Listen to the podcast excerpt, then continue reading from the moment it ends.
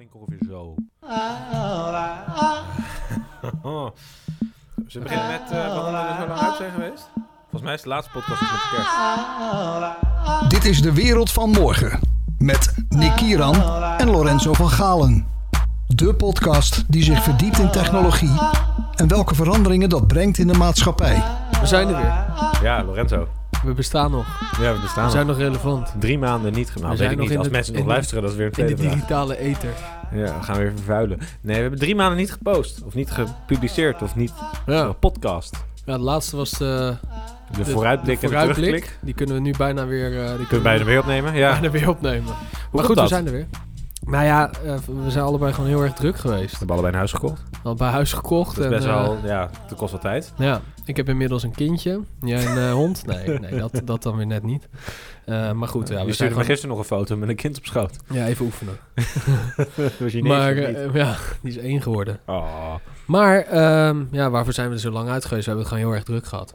Met, ja, dat eh, is, maar dat is niet. en, eh, dat klinkt altijd als zo'n smoes, maar Ja. eh, we willen wel gewoon wat meer eh, weer gaan opnemen. We hebben ook veel inspiratie opgedaan. Veel plannen voor het komende jaar. Eh, dus Ja. we zijn zeker niet gestopt. Nee. Ehm, we gaan alleen nog eh, zes maanden op vakantie volgende week. eh, om naar Tibet. eh, ik denk dat we de, de luisteraar niet kunnen aandoen Nee, om eh, dusdanig het onderwerp uit te stellen. Nee, we gaan weer meer opnemen. Ja. En eh, we beginnen vandaag eh, met, een, eh, met een onderwerp die eh, de revue wel veel heeft eh, gepasseerd. De laatste maanden ook. ja, op verschillende manieren. ja. Eh, privacy. Eh, Ja. En we hebben het eens eerder over privacy gehad. Ehm, maar tegelijkertijd uh, nou, is veel gebeurd. De wet, ik zit even te kijken wat hier nog is. Inlichtingen en, eh, inlichtingen en veiligheidsdiensten. De WIF. De De sleepwet. WIF. De sleepwet. Werd die ook wel genoemd. was het laatste referendum. Ja. De overheid vindt het niet meer nodig om raadgevende referenda te doen. Nee. Wat ik trouwens echt weer zo'n... Zegt ook wel weer wat. Nou, weet ik niet. Ik bedoel een raadgevend referendum. Ja, je hebt er geen reet aan. Want ze doen het. Dat is net, net, net als met, deze, met, met dit referendum. Dit is een raadgevend referendum. Daar is nee uitgekomen. En ze moeten het nu heroverwegen. Als, ik een raad, als, wij, als er mensen een raadgevend referendum doen of jij naar de kapper moet, wat zeg je Ja. dan? Ja, Ja, oké. denk ik ook. Ja, dankjewel. Ja, We gaan het even heroverwegen. Staat in de wet. denk er nog over Eh, na. eh, maar goed. Ja. Maar uh, gelukkig is dit een podcast, dus zullen drinken. mensen dat niet zo snel doen. Maar dat, dat vond ik wel een interessante discussie, zeg maar. In de zin van de, eh, dat, eh, nou ja, volgens mij heeft 51% tegengestemd in totaal. Ja, n- 49,5% nee. Ja. En 46,5% ja. En de rest dan blanco. Ja. Dus als je dat dan verdeelt, volgens mij was het 51 van de Ja, mensen die zoiets. wel hadden gestemd, was het van mij 51. Maar goed, Ja. kleine meerderheid heeft tegen de wet voor inlichtingen, de sleepwet gestemd. Ja. Laat het ook gewoon de sleepwet noemen. Ja, is makkelijker. Ehm, en eigenlijk vind ik dat best wel interessant. Want dat betekent dus dat, eh, dat het volk niet wil dat de wet wordt aangepast. Terwijl de wet stamt uit 2002. Maar ik denk dat dat niet de vraag was van het, van het referendum. Want het ging over het verhaal dat, eh dat de telefoonlijnen en zo, die waren gewoon af te tappen. Eh, maar ja, niemand gebeld eigenlijk meer over. Nee, er was, er was een modernisering nodig van deze wet Precies. om, eh, om, op, op, op, huidige moderne communicatiemiddelen te kunnen aftappen. Ja. eh, van mensen. Dat was een beetje de... Is binnen te slepen. Data nou, binnen te slepen. Alleen het verschil was, maar nu is het zo, als, jij, als ik jou wil aftappen in de huidige wet, Mhm. wat ik begreep hoor, ik ben, geen, eh, geen, eh, ik, ben, ik ben niet juridisch opgeleid, maar wat ik begreep was dat, ehm, dat als ik jou wil aftappen, moet ik een, een, een soort dwangbevel halen bij de, of, of een bevel halen bij de, bij de rechter. Een soort huiszoekingsbevel. Ja, je moest er wel toestemming voor hebben van de rechter. En dan, zeg, en dan zeg ik van, nou, ik heb een goede reden om Lorenzo te, af te luisteren, want nou ja, hij heeft eh, deze tekenen vertoond en hij, hij houdt zich op in, in, in omgevingen waarbij veel terroristen bijvoorbeeld Ja, op, bijvoorbeeld. Bijvoorbeeld, hè, eh, en, en, en ik, ik heb een goede reden om te denken dat hij eh, van, eh, van kwaad kan zijn op deze samenleving. Dus ik wil hem graag eh, aftappen. Nou, dan kreeg je daar toestemming voor en dan mocht je dat vervolgens doen. Eh, nu is het zo, eh, wat ik begreep, is stel je voor dat jij woont in een wijk waar iemand woont die dit doet. Molenbeek. bijvoorbeeld. Bijvoorbeeld. Nou ja, goed. Nee, maar st- stel gewoon bij jou in de wijk. Hè. Je woont in een, in een volkswijkje ergens eh, in het Rijnmondgebied. En, ehm, en iemand in jouw straat waar jou helemaal niks mee te maken hebt, of misschien een paar straten verder, wat gewoon kan, ik bedoel, dat, Ja. dat, kan, eh, is, ergens, is er iets aan het doen wat mogelijkerwijs verdacht is, dus niet per se verdacht is, maar mogelijkerwijs verdacht is, dan mag er nu een soort net overheen worden gespannen over jou, een soort digitaal net over jouw wijk worden gespannen, en dan mag alle data eh, worden verzameld en geanalyseerd worden. Nu zeggen ze natuurlijk, ja, dat is niet helemaal waar, want het is vooral metadata en het is dit, maar de vraag is natuurlijk of dat zo is. Nou, het gaat erom dat ze nu heel veel data hebben, maar ze willen Mhm. gericht die data eruit trekken. Dus volgens Nou, mij nee, kunnen ze nu nee. hele grote data... Nee, eh, net zoals met, met vissen, zeg maar, een hele groot, heel groot net uit en dan pul je gewoon zoveel mogelijk vis van. ja, maar ze willen nu... eh, Ze willen met, met deze wet willen ze toch gerichter kunnen, kunnen Mm. eh, traceren. Ja, nou ja, gewoon nee, niet alleen gerichter, maar ook gewoon veel breder. Dus dat je gewoon zegt van ik wil die hele wijk even aftappen, want dan Oh, kan ja. ik zien wat er gebeurt. En daar was natuurlijk heel veel discussie over. En vervolgens werd dat een beetje op, door, door de minister, eh, mevrouw Ollongren heet ze geloof ik, werd er heel veel over gesteld van nou ja, er zitten wel enorme mazen in dat net. En dan denk ik dan bij mezelf van oké, dat, dat klinkt al een mazen in een net, wet. Het klonk al gelijk dat ik, eh, ik begon er al gelijk over te twijfelen. Ehm, maar de, de, ik, ik heb een eh, podcast geluisterd van eh, Jort Kelder met een hoogleraar, zowel technologie als, ehm, ja, als, als het juridische. En dan vooral die combinatie Is erbij. ook aan het podcasten, joh. Ja, de Jortcast. En eh, Natuurlijk. natuurlijk. Eh, het is gewoon een Radio 1-programma die die, die Jortcast Ah, oké. Ehm, eh, maar het maakt niet uit. Ik vind het een leuke, leuke productie. Vooral die productie vond ik interessant, omdat Danny Mekic zat er ook. Een internetondernemer, een beetje iemand die altijd wel een mening heeft als er iets gebeurt met, met wetgeving en, ja, en, en technologie. Ja. En ehm, hij gaf een soort analogie, een soort metafoor. En hij vroeg, is de wet Hitler-proof? ja. En toen, eh, toen zei volgens mij eh, Kelder, zei, eh, ja nee, dat is, een, dat is de wet van Gottfried, zei hij geloof ik. Dat elke discussie heeft op een, op een gegeven moment komen de nazi's voorbij. Het- kwam bij mij ook redelijk vl- eh, vlak op het dak, zeg maar. Dat ik dacht, eh, hoe, hoe bedoel je? ja. Maar hij had wel een mooie, eh, strekkende, eentje die beklijfde. een vergelijking die beklijfde wat mij betreft.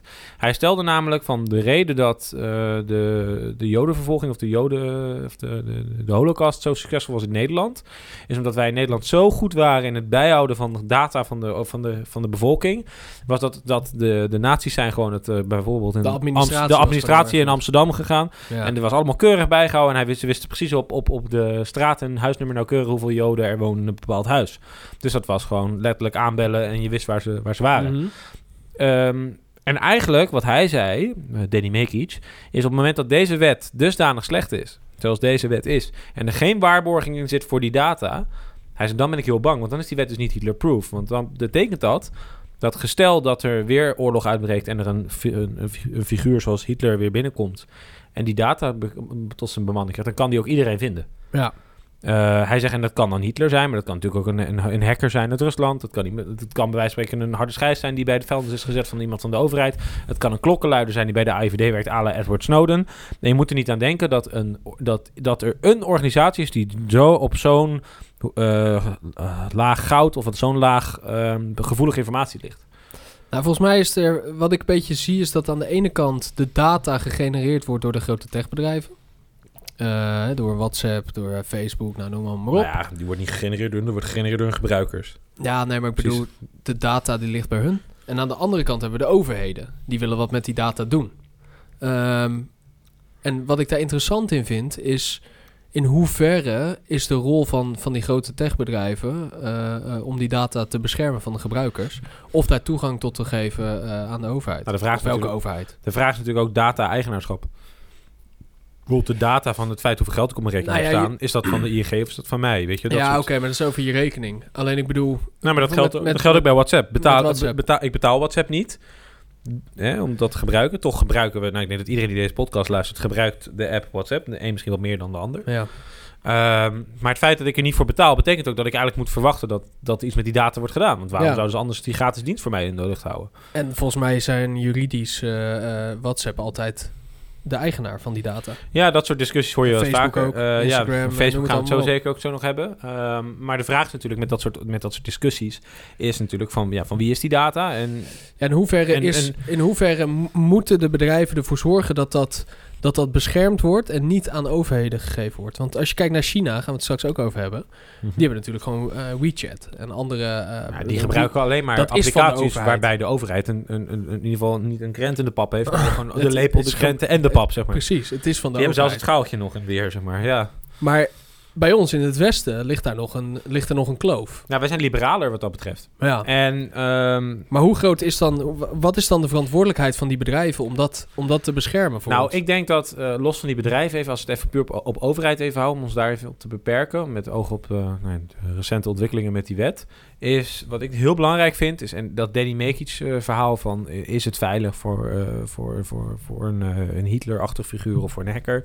Ja, goede vraag. Ehm, ik vind als zo'n wet uitkomt of, of uit wordt gebracht, hoe zeg je dat, of wordt ingesteld, dan neem ik aan dat er ook eh, dusdanige privacy-remmende maatregelen in zitten. In de zin van dat, niet zozeer privacy-remmend, maar beveiligingsmaatregelen zijn, dat je er niet makkelijk bij komt. Nou, wat ik me heel erg afvraag, wat voor data zouden ze willen hebben? Noem één dataset die interessant zou kunnen zijn. Voor het bestrijden van terrorisme? Bijvoorbeeld. Uh, nou ja, gewoon alle... alle WhatsApp-gesprekken of zo. WhatsApp-gesprekken van... Uh, maar dat is toch encrypted? Dan moet, dan moet WhatsApp toch de toegang geven aan de overheid op een of andere manier. Ja, nee, dat of de klopt. sleutel. Maar dat zou dan die ook... Die wet zou dan ook uh, het mogelijk moeten maken dat dat... dat dat, moet, dat, dat verplicht moet, wordt. Dat is dan misschien verplicht, ja. Anders mag misschien die app niet, niet draaien.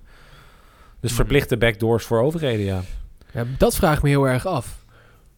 Want Of dat- anders ligt het lot van ons, van onze data, nog steeds in de handen van die techbedrijven. Is dat zo? Ja, denk ik wel. Want als jij als, bijvoorbeeld bij die berichten van Nou ja, WhatsApp, die zijn encrypted. Dus hoe die, komt de overheid Ja, je had dus die discussie toen een paar jaar geleden met Apple en de FBI... dat er Ja, een, iPhone was die ze niet konden kraken bij de FBI. En toen had En Apple wilde daar niet aan meehelpen. Die Nee. heeft toen gezegd, ja, dat is niet onze rol. Logisch. Kijk, en dan is niet de vraag van... nee, tuurlijk willen wij dat misdrijf oplossen. Maar als we dat doen, geven we wel een signaal... dat de privacy van al onze Mhm. klanten eh, in, het, in het geding zijn. Maar het is ook een moeilijke discussie. Want jij stelde aan mij net voor de podcast de vraag van... zou jij eh, je data van WhatsApp bijvoorbeeld opgeven... om een eh, terroristische aanslag te voorkomen? Zeg je ja.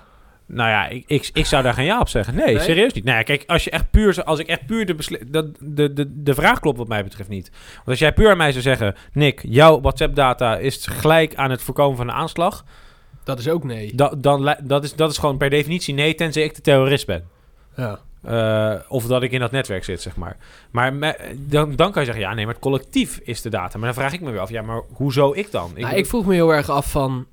Hè, als, ik, als ik tegenstem... Kijk, wat, wat ik aan mensen vroeg is... Hè, zou je je data afstaan als we daar iets eh ellendigs mee kunnen voorkomen? Of eh, een terroristische aanslag of noem Ja, maar, maar dat op. is denk ik niet de het, wordt discussie. nu op, het wordt nu op terrorisme ge, ge, geïnd, want dat, dat, dat, dat is ja, heel, heel Ah, veiligheid, zeggen. veiligheid, hè, in Maar de breedste zin. Ja. Dat, dat, is, dat is gaande. Dus dan hebben mensen iets van, ja, tuurlijk, hè, als, ik, als ik mijn data afgeef en we kunnen daar iets, iets ergs mee voorkomen, tuurlijk. Mhm. Eh, neem lekker mijn WhatsAppjes, prima. De vraag daarna is, als we dat doen, waar is dan de grens?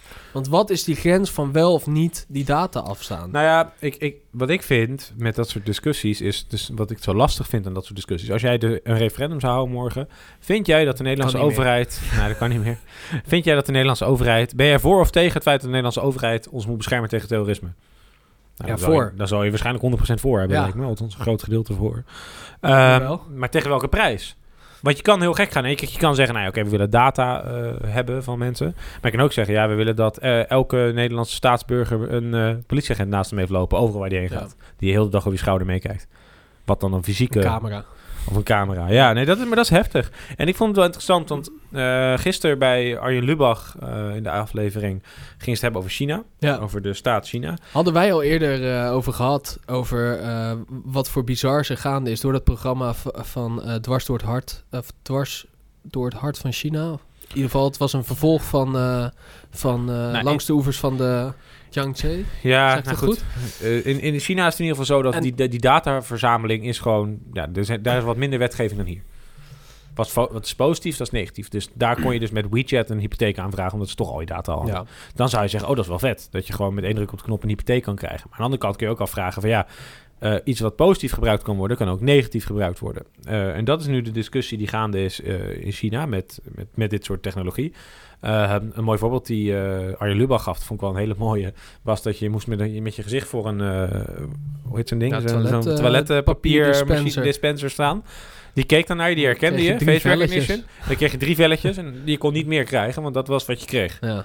Nou, dat is natuurlijk communisme ten top. Dat is eh, er is ook maar één top. partij natuurlijk in China. Dus eh, dat maakt het ook allemaal wel makkelijk. Ja, nee, dat, dat klopt. Eh, ik bedoel, je de ziet dat... communistische partij. Ja, precies. Ja, en China is natuurlijk een andere politiek debat. Maar wat je dan kan afvragen met zo'n, met zo'n WIF-wet...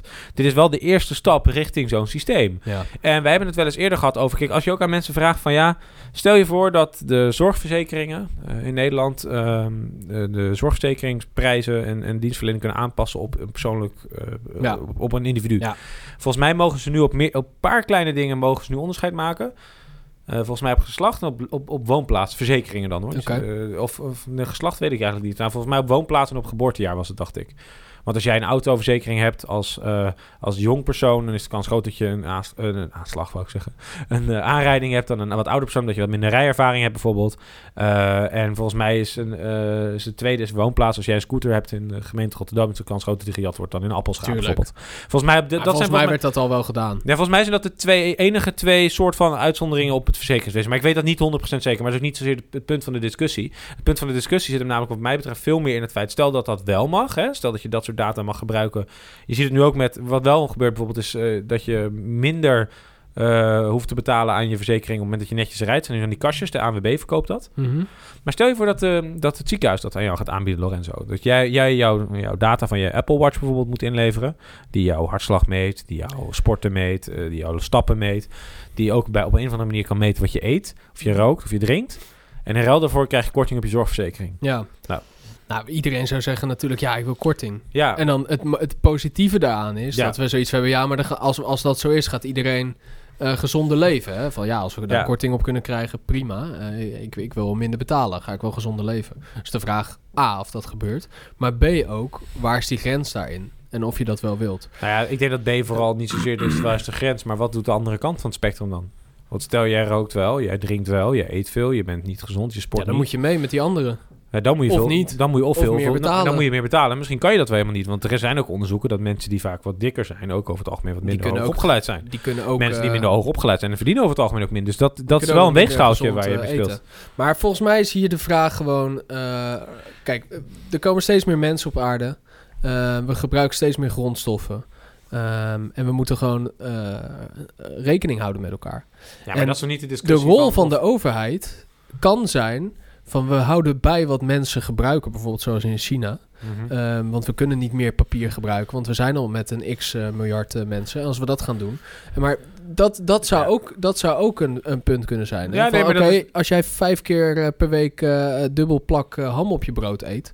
ehm, en, er, en er is niet veel vlees. Zouden we dat dan bij moeten houden? Van hoe vaak jij vlees per Ja, week maar dat eet? kan je op individueel niveau doen en dat kan je op, op een manier doen dat bijvoorbeeld vlees duurder wordt. Net als sigaretten ook accijns hebben. Ja, dat is dan de vraag. Wat, wat is de, wat De, is de oplossing? manier is interessant. Kijk, in China is het zo. eh, dat zag je bij Lubach ook heel mooi. Eh, althans, in de clip die hij gebruikte. Was de, um, er waren heel veel camera's. Volgens mij waren er. Het was echt zo'n. zo'n zo'n- er waren 400 miljoen camera's en ze wilden naar 700 miljoen. Weet je, zo'n soort Ja. verschil was het volgens mij. Twee, eh, of van volgens, 40 naar 700 volgens mij miljoen. één kamer op twee Chinezen. Ja, daar kwam het Dus op dat neer. zijn in wel ieder geval. veel, eh, veel camera's. Ja, daar kwam het op neer inderdaad. En die, maar die deden niet alleen beeld opnemen, die deden ook analyse van beeld. Ja. Dus als jij eh, bij een rood licht ging oversteken, dan kreeg je een deductie van je punten. En die punten was een klassificatiesysteem. En in de, in de provincie of gemeente, ik weet niet wat dat is, ik denk provincie. In het gebied Shenzhen, eh, daar mag je dus niet meer de bus nemen op het moment dat je in de laagste klasse valt.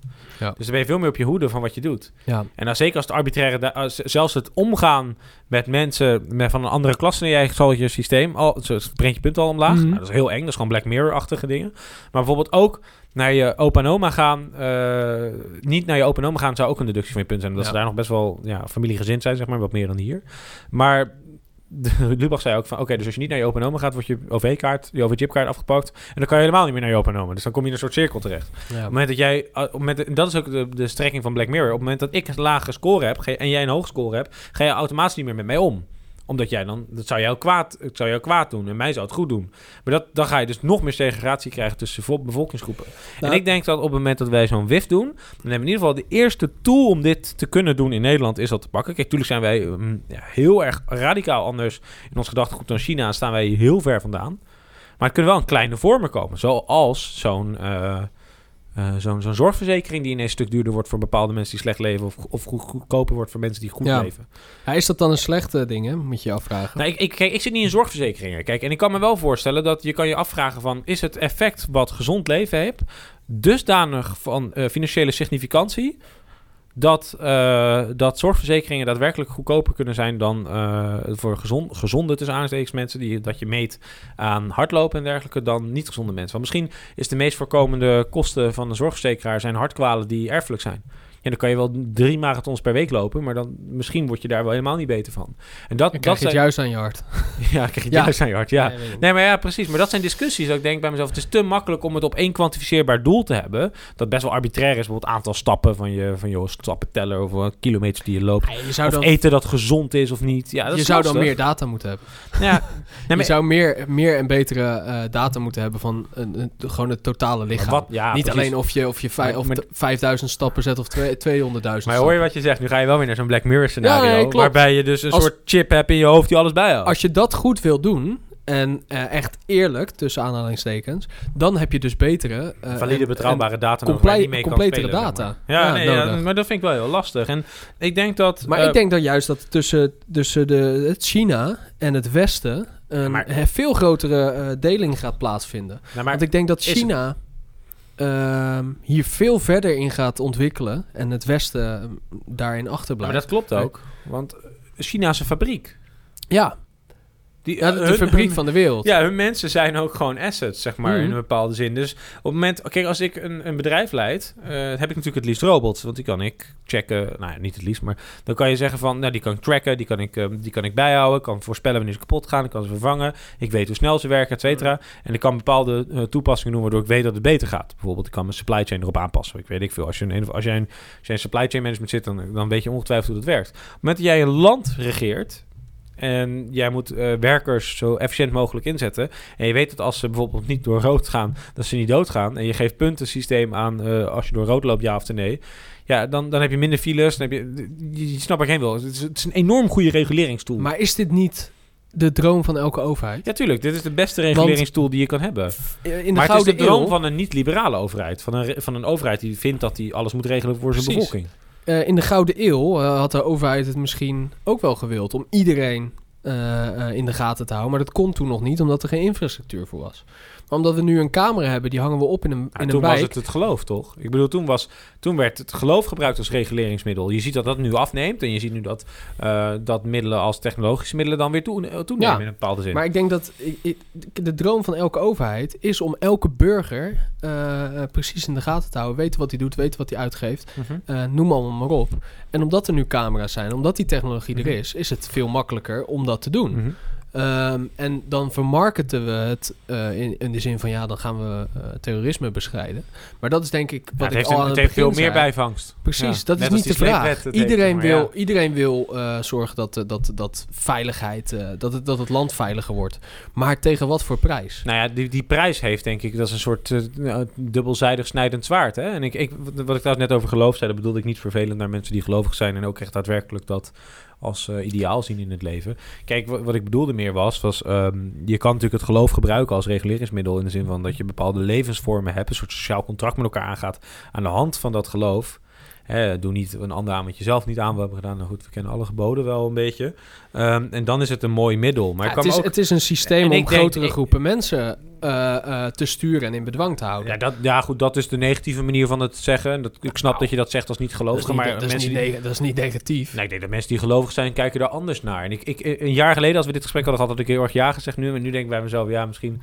Weet je, ik, ik heb ook wel respect voor mensen die, eh, eh, die daar wel waarde uithalen. Moet ik ook zelf Nee, dat weten. heb ik ook zeker. Eh, Alleen het is, het is wel een systeem om grotere groepen mensen, zeker, zeker Als ik er van- een paar honderd jaar geleden, Ja, precies. Als ik er, zo, in bedwang te houden. als ik er rationeel naar kijk, vind ik dat Of ook te eerder. leiden. Ja, en tegenwoordig hebben wij democratie en in China En het communisme. Maar goed, dat zijn simpelweg, als je daar los van kijkt of hè, waar je ook in gelooft, zijn het systemen. ja. Nou ja, Eh, en los van of het wel of niet werkt en los van of het wel of niet waar is. ehm, het zijn systemen om grotere groepen mensen te Nee, maar ik ben het met je eens dat eh, op het moment dat je zo'n... Stel je hebt wetgeving die je toestaat om de data te gebruiken van mensen. Hè, dus of dat nou gezondheidsdata is, pak hem zo breed mogelijk in je hoofd. Dan heb je dus een enorm goede reguleringstool. En dan kan je je afvragen, wordt de rol van de overheid niet veel te groot als ze die macht hebben of als ze die data hebben, als ze daar wat mee kunnen. Als ze, je kan het hebben, je kan En de vraag is dat, dan, is dat dan een slecht iets? Goeie vraag. Zeker op het Want moment, dat, we, eh, op moment dat, dat, dat het financieel of economisch misschien minder Want gaat. die eh, mensen die tegen hebben gestemd, tegen die WIF, die wa dat waren hoogopgeleide eh jongeren uit, uit, de, Randstad. Ja. Ehm, nou ja, daar kunnen wij ons denk ik ook wel eh, eh, tussen schalen. Ja, wij voldoen aan het cohort. En Wij- ik, wij we zijn- bevestigen ook de data. Wij zijn hier mee bezig. eh, elke dag lezen we erover en wij hebben daar een mening over. Eh, maar we Ehm, gebruiken ook meer van dit soort middelen. Dus bij ons is de impact ook groter. Maar Mijn mensen in oma kan wel Friesland- voorstemmen. Had je dat gezien? Mensen in Friesland, dat was een heel groot rood vak. Die hadden allemaal eh, eh, te- of tegengestemd. Dat vond ik wel interessant. En de randsteden. Maar een beetje in het, in het eh, oosten van Nederland eh eh, hebben niet- veel mensen ja gestemd. Het is ook niet zo dat, dat Friesland dan had niet het wil plaatje- dat de Nederlandse Ik had overheid... een eh, plaatje gezien. Dat was het op Instagram. Iemand had het geplaatst. En dat was een kaartje van Nederland. En dan rood en blauw voor de rood tegen. ja. En heel Friesland was, was tegen de WIF. Dus dan stond er iets bij van, ja, wat heeft Friesland Ja, maar te, met- verbergen? ja, maar dat vind ik een beetje makkelijk. Want op het moment dat Ja. je een uitslag hebt van, e- van wat is het, 46 om 48... Misschien heeft daar iemand het on- gestemd. Ja, ik- nou dat weet ik niet. Maar dan is het wel dusdanig eh dubbelledig uit te leggen. Dat vind ik wel te makkelijk. Maar dat vind ik sowieso met de, het hele mediadiscussie om deze wet. Het wordt allemaal wel heel makkelijk gebracht. Weet je, en ik, ik geloof ook echt wel dat. Kijk, wij doen nu ook alsof het een, een soort. Nou, we hebben het woord Hitlerproef laten vallen, reguleringstoel. Weet je, wij, wij kijken ook naar de duistere scenario's. Maar er zit natuurlijk ook wel een positief kant aan, Ja. een, aan een vernieuwde wet op inlichting, eh, inlichting en veiligheid. Ik denk alleen dat de macht die de overheid krijgt veel te groot is. En ik denk dat, dat die discussie heeft eigenlijk als je tussen neus en lip, als je de, als je de headliners niet las, maar de in-depth ehm, eh, interviews ging luisteren met, met de hoogleraren en dergelijke, dan was dat ook de conclusie. Weet je, we zijn het allemaal wel mee eens dat de huidige wet, ja, eh, telefoon en faxlijnen aftappen. We snappen dat dat misschien niet meer helemaal handig is bij het bestrijden van terrorisme. Dus inderdaad, de WhatsAppjes, de iMessages, de, de Instagrams, whatever. De tools van vandaag de dag aftappen, dat is misschien wel logisch. Maar het moet niet op een manier gebeuren dat je even een net over een hele wijk heen legt. Maar moet er, moet er in de Tweede Kamer en eh, bij het kabinet niet een andere vraag gesteld worden? En Wie dat is, nog de overheid? Zijn dat de techbedrijven met alle data? Eh, of is dat de Ja, overheid? maar die hebben toch hele andere belangen. Kijk, een overheid heeft dus belang dat een heel land loopt. Dus dat is een belang van eh, dat ziekenhuizen open zijn. Dat is belang dat er asfalt op straat ligt. Dat is belang dat er wetgeving is. Eh, een Cambridge, en, of een Cambridge Analytica dit- hebben het over, maar een Facebook heeft, is hun belang is dat er geld wordt verdiend. Wie is de overheid en wat is de rol van de overheid? Dat is de vraag. Nou, ik denk dat ik net wel een beeld gaf van wat een overheid zou moeten doen. Zou moeten puur- doen. Eh, de vraag is natuurlijk of, ze, of als ze meer doen, dat dat dan eng is of niet. Of dat hun taak is. En of dat slecht is. En ik denk ook als je kijkt naar, wat ik ook wel mooi vind om even een bruggetje, als bruggetje gebruiken, is de gemeenteraad. Je ziet dat er wel weer versplintering is in de keuzes van mensen, even los van wat we daarvan vinden. Eh, je ziet natuurlijk dat, eh, dat, dat linkse partijen hebben veel gewonnen hè? aan de ene kant, en rechtspartijen aan de andere kant ook wel veel. Hè, ja, het, bedoel, het de- wordt, eh, wordt wat... als wordt ik, wat, als ik bijvoorbeeld kijk naar, naar eh, Rotterdam, daar is, dat is nu, eh, volgens mij is rest nog steeds groter dan links. Als je echt even, als je in die termen nog mag denken, hè, want dat is natuurlijk ook maar de vraag. ja. Als je kijkt naar bijvoorbeeld de PVV, vind ik een mooi voorbeeld. Die heeft natuurlijk een redelijk rechts eh, beleid op het gebied van immigratie en ja, het, het, het, het islam zijn in de stad. En aan de andere kant hebben ze een redelijk links beleid wat betreft ouderenzorg en, en, en inkomen, volgens mij. Ehm, dus daar, dat is wel lastig om daarover over te oordelen. En ik vind dat ook best wel interessant. Zeker ook omdat tijdens de gemeenteraad er, en hebben we ook dit thema gehad eh, van privacy. En dat zijn camera's. En ik, eh, ik heb in mijn gemeente, eh, waar ik ga wonen, heb ik geluisterd naar die discussie. En daar ging het over van, ja, we willen graag een veiligere wijk... en we moeten overal camera's gaan plaatsen, riep de ene, de ene kandidaat. En de andere kandidaat zei, nee, we moeten, ja, we moeten wel veiligheid maar dat hoeft niet met camera's, dat moet met politieagenten. En toen zei weer iemand anders, ja, die politieagenten kunnen we niet betalen... maar de camera's wel. En er waren dus heel veel discussies. En toen was er één iemand die zei, nee, we moeten wel camera's ophangen... maar die moeten alleen maar ingeschakeld worden... op het moment dat we een, een, een redelijk vermoeden hebben van dat daar wat is. En tot die tijd moet die data gewoon beveiligd zijn. En die, die riep toen ook blockchain. Dat vond ik wel grappig. Smart blockchain. Ja, die- ja precies. maar Die- wat is veiligheid en hoe meet je veilig, eh nou, stel je voor, Iedereen stel je voor er staat een camera anders. bij jou in de straat. Echt op je deur. Hè, bij je, bij je nieuwe huis. Zou je willen dat die live kan worden bekeken door de gemeente? Nee, dat zou ik niet willen. Nee, Maar nee kan toch? wel. Maar stel je voor dat er de week ervoor- eh, op, op, op dinsdagavond om 8 uur... dat iemand is doodgestoken daar. En de rechter geeft eh, de toestemming voor de, aan de gemeente om dat te bekijken. De- om, om dat doel. En ook met het doel dat dat hetgeen is waarvoor ze kijken. En dat Ja, maar ze- dan, is, dan staat het weer zo ver van ons, want weet je... nee, maar dan, kan je, dan heb je nog steeds dat er. gerechtelijk bevel. Tuurlijk, maar ja... Kijk, weet je, wat, weet je wat met veiligheid is? Voor iedereen is veiligheid anders. Als jij op straat loopt en je ziet een, eh, een groepje jongeren hangen... dan heb jij er misschien niet heel veel last van. En denk je van, nou, ik voel me niet onveilig. En een wat oudere vrouw die denkt van... ja, ik vind echt, het is helemaal aan het verpauperen, deze buurt. Dat is waar. En aan de andere kant, als je Dus- kijkt naar camera's, is er gewoon onderzoek gedaan. Als je camera's ophangt in een winkel, stelen mensen actief minder. Of ze nou aanstaan of niet. Ja, ja. Ik vind dat, ik vind dat een moeilijke, moeilijke discussie. En tuurlijk geloof ik als je camera's neerzet en het staat helemaal vol eh, met camera's dat er minder gebeurt, of in ieder geval als er wat gebeurt, dat er teruggekeken kan worden.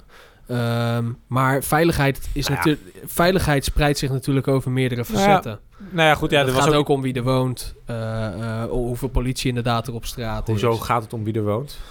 Nou ja, het gaat erom wat voor wijk, eh, wijk het is. Nou, zo. Ik bedoel, de in- criminaliteit kan in grote getalen gebeuren en in kleine getalen, maar het kan overal gebeuren. Dat is denk ik ja, de maar discussie. je, je bent met me eens dat, eh, dat, eh, slechte dat er wijken- minder In de gebeurt. slechte wijken zal er misschien meer aanspraken worden gemaakt op die data. Dat ben ik met je eens. Je bent me- met me eens dat er minder gebeurt in Laren bijvoorbeeld dan in, een, in een wijk zoals Molenbeek. Ik noem maar wat. Nou, kijk, in Laren zal het misschien meer eh, woninginbraken zijn waar we het over hebben. En misschien een Ja. auto-ongeluk hier of een, of een ditje daar. Precies. Of iemand staat verkeerd geparkeerd. Weet je, dat niveau. Dus En in veilig- Molenbeek hebben we het over een hele andere discussie. Kijk, veiligheid kan ook dat er een, stoepste- een stoeptegel op straat eh, omhoog staat. Ja, nee, maar dit ging wel echt over, over eh, criminaliteit. hè. Criminaliteit, dus dus, ja. dus mensen afdreigen tot aan in, woninginbraken.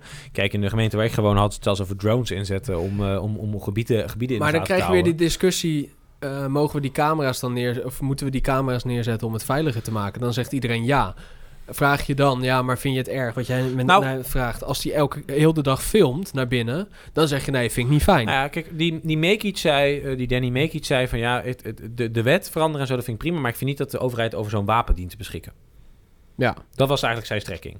Ehm, dan vraag ik me af, hebben die hoogopgeleide jongeren, eh, jongeren uit de steden tegengestemd omdat ze tegen deze wet zijn? Of hebben ze tegengestemd omdat ze hetzelfde vinden wat Mekic vindt? Dat niemand, die, dat de overheid niet dat soort data hoort te hebben.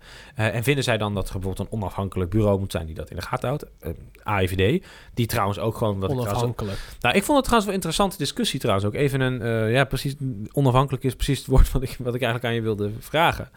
Is die, die directeur, die Bertollet of Bartollet van de, van de IVD, had zichzelf actief aangeboden bij College Tour. Ja. Om daar een lobby te starten, onder andere daar, maar ook Voor de andere- voor die wet. Ja. ja, klopt. Bij die groep waar uh, hoogopgeleide jongeren uit. Uh, Daar hebben ze ook wat mee gedaan, toch? Hij heeft, heeft Ja, hij eh, is, dit is ook uit, uitgezonden. Ja. En Ze zijn er zelf mee gekomen, hè? daar zijn er zelf mee gekomen. Maar wat vind jij daarvan?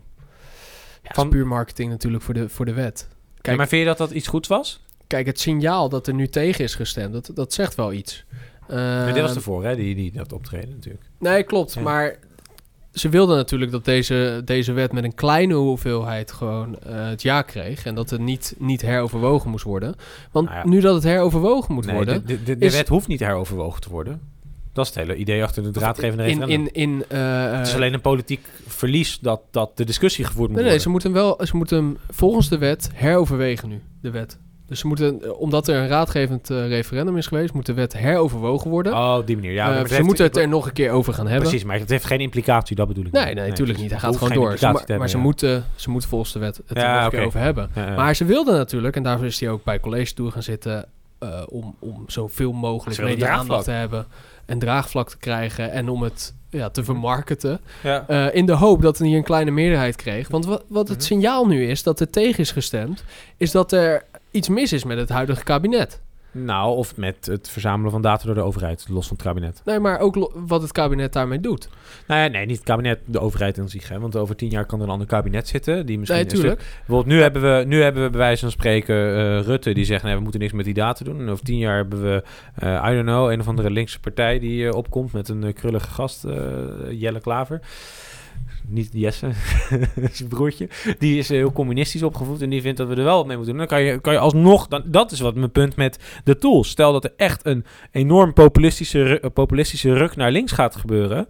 Hè, met GroenLinks, je ziet dat ze in Amsterdam hebben begonnen. En Stel, ik zeg niet dat GroenLinks dat vindt, maar stel dat GroenLinks echt vindt dat we dit soort tools moeten inzetten voor toepassingen zoals nou heel klein, zoals een zorgverzekering, tussen aanhalingstekens klein, tot heel groot, zoals het puntensysteem, het klassificatiesysteem in China, waarin je eh, wel of niet de bus mag pakken. Ja, dat is de angst die heel veel hoogopgeleide jongeren hebben, denk ik, of die ik heb in ieder geval. En dan vind ik het interessant dat zo'n Bertolet gaat bij college tour zitten. Die gaat zijn wet daar verdedigen. Niet eens zijn wet. Hij is gewoon een uitvoerende kracht, toch? Hij, is, hij zit in een organisatie die iets moet doen wat, wat is bepaald door die poli- politieke... eh, door dat politieke stigma wat er heerst. En vervolgens gaat hij daar zitten, zijn wet zitten verdedigen. Terwijl hij is echt. Dat vond ik dat, dat. Dit is trouwens ook Lubach. Het lijkt net of we alleen maar Lubach aan het citeren zijn. Maar ja, hij zegt gewoon precies wat ik ook vind. Dus dat vind ik wel interessant. Ehm, ik was het in. Laat ik zeggen, vanuit, een, vanuit het perspectief van de IVD ben ik het eens dat hij daar gaat zitten. Want ik denk, het was heel sterk optreden. Het was goed voor hun doel, et cetera. Alleen vanuit een inhoudelijk perspectief kun je zeggen: van ja, maar wat is dit nou? Deze man hoort helemaal niet daar aan tafel te zitten. Want de AVD is gewoon een uitvoerende partij. Die moeten doen wat de wet stelt. En die hebben zich er niet mee te bemoeien. Nee, Als er één club is die even niet met, eh, met, met feitjes moet gaan gooien van... oh, ik heb nog wel wat cools om te vertellen. Ja, nee, zij moeten gewoon de mond houden. Zij zijn alleen maar bezig om de veiligheid te waarborgen. Ja. Zij zijn Door een, die wet. Zij zijn een dienende... Ja, precies. Maar zij zijn een dienende organisatie. Zij, hebben geen, zij horen geen politiek belang te hebben. Nee. Maar dat Nee, vond ik best wel... is- eh, ja, als je daarover hele is dat wel andere heftig. discussie. Nou, Ja. is wel- in de discussie van de WIF vind ik dat best heftig. Dus er is echt heel veel moeite gedaan door de overheid om deze, dit referendum niet te voeren. Het, het referendum is notabene afgeschaft. Hè? En, en, vervolgens gaat, Ja. de- en vervolgens wordt er nee gezegd en toch gaat die wet waarschijnlijk door. En als je doortrekt naar... door. Nou, je hebt natuurlijk in Amerika heb je de, wat is de Patriot, de Patriot Act, die is na 9/11 is die opgekomen. Eh, Europees gezien willen we steeds meer doen. Het, eh, we zien ook dat fake news websites gereguleerd moeten worden door een clubje in, in de EU. Dat is dan nu al een beetje teruggedraaid. Kajsa Longren heeft ook heel veel gedaan met fake news, dat bepaalde websites niet geïndexeerd mogen worden door Google. En dat wordt dan bepaald door de overheid in samenwerking met nu.nl. Ja, maar het, dat soort wat voor regulering zijn we nou op Waarom moet dit? dit tegen zorgt ook voor haarscheurtjes eh, in de Tweede Kamer.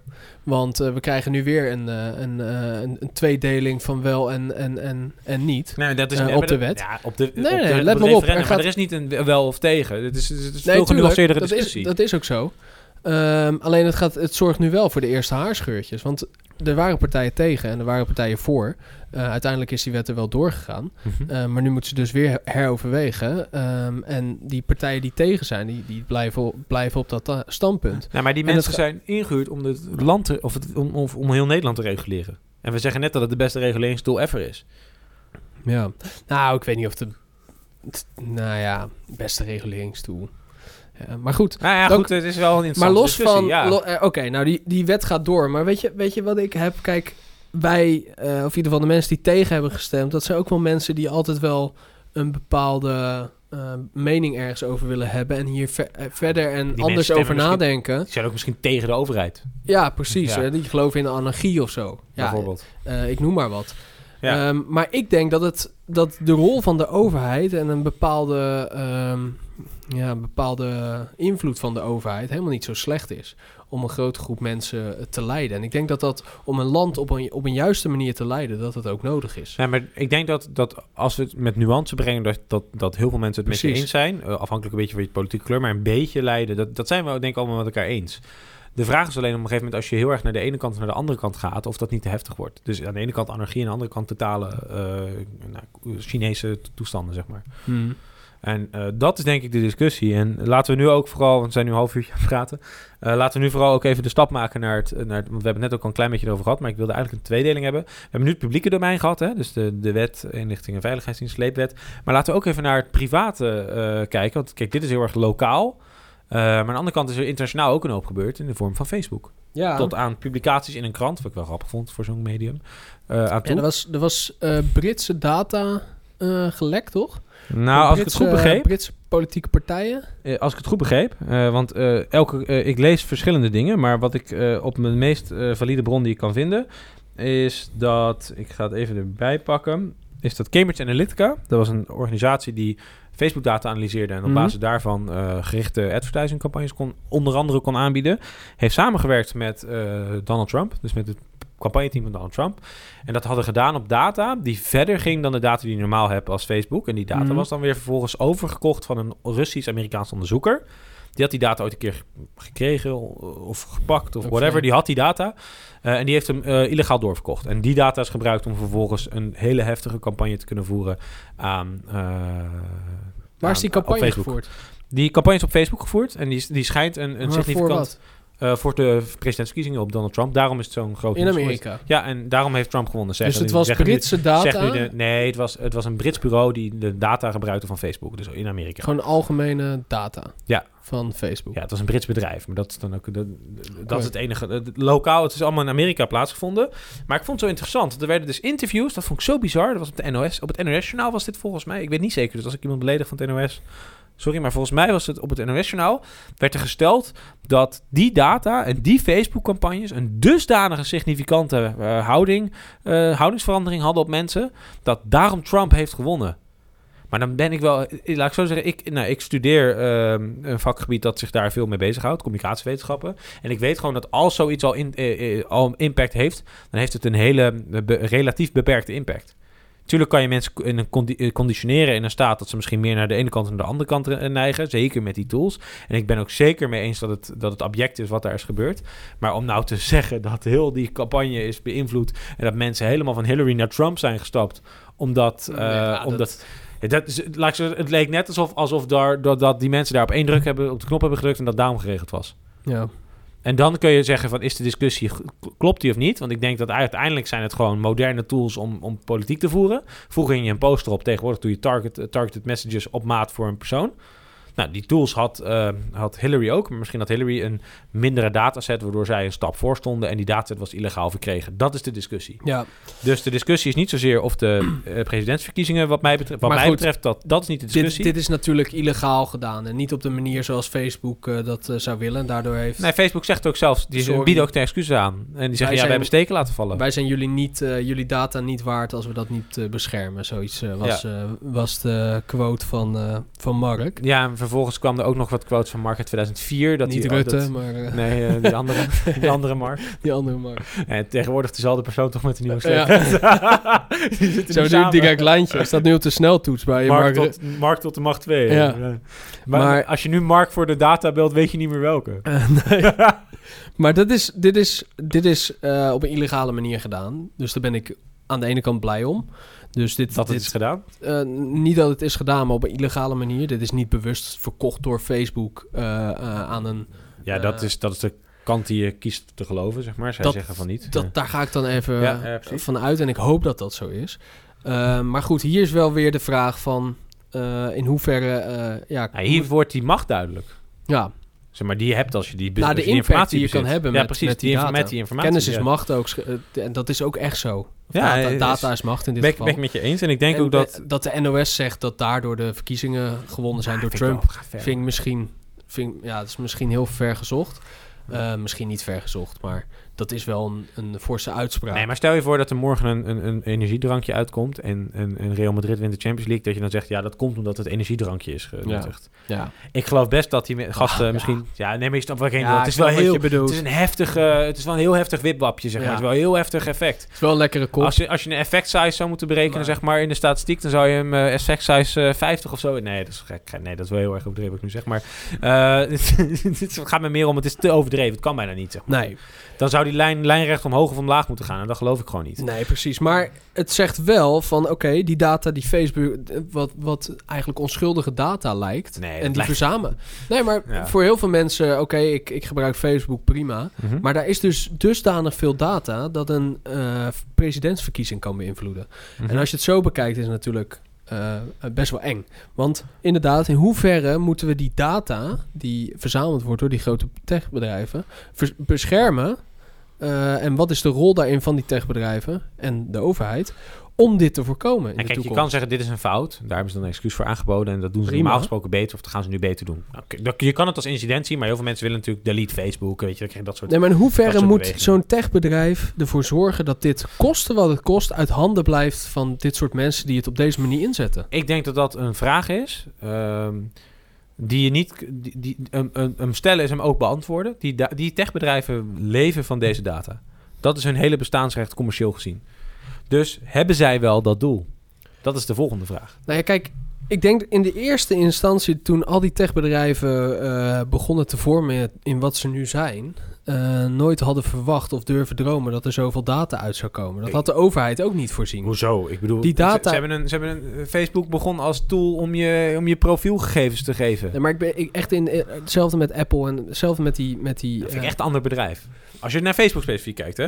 Oké, ja, Facebook die maakte, die maakte geloof ik een eh, de, de MySpace eerst, toch? Hoe heet het? Nee, dat niet. Nee, ze eh, hebben, gewoon eh, een, ze, hebben Facebook. gewoon, ze hebben een sociaal netwerk gemaakt met als doel om mensen te connecten met elkaar. Om Precies. die data vervolgens te gebruiken voor gerichte advertenties. Maar daar is in de loop, eh, loop van de tijd dusdanig veel data verzameld, die ook dusdanig veel eh, impact kan hebben in bepaalde, eh, op bepaalde manieren. Wat bepaalde mensen beweren. En ik denk niet dat ze daar dat ze dat hebben eh, voorzien. Ik denk het Oh, wel. denk Ik denk je? het wel. Ja, maar een voorbeeld bijvoorbeeld over de data die ze verzamelen. Jij installeert de app Facebook Messenger op je Android-telefoon. Vervolgens zegt die app, mag ik bij jou Ja, nu. gegevens... Nee, nee, goed, nu hè. Ja, nee, Mhm. maar bedoel, Facebook is niet zo oud. 2004 opgericht of zo. Dus ik bedoel, tien, tien jaar, is, eh, 10, 15 jaar zijn ze, ou- zo oud zijn ze. Jij hebt die app op je telefoon. En die app vraagt aan jou, mag ik jou bij jouw data van je telefoon... want dan kun je met je vrienden eh, berichtjes sturen. Ja. Dan zeg je waarschijnlijk ja, want daarvoor installeer je die app. Eh, dan kan je ervan vinden wat je wilt. Nou, WhatsApp, als je daar, daarop tegen bent omdat Facebook dat doet... denk dan nog eens na over wat WhatsApp precies doet. Is ook van Facebook, doet hetzelfde, maar oké.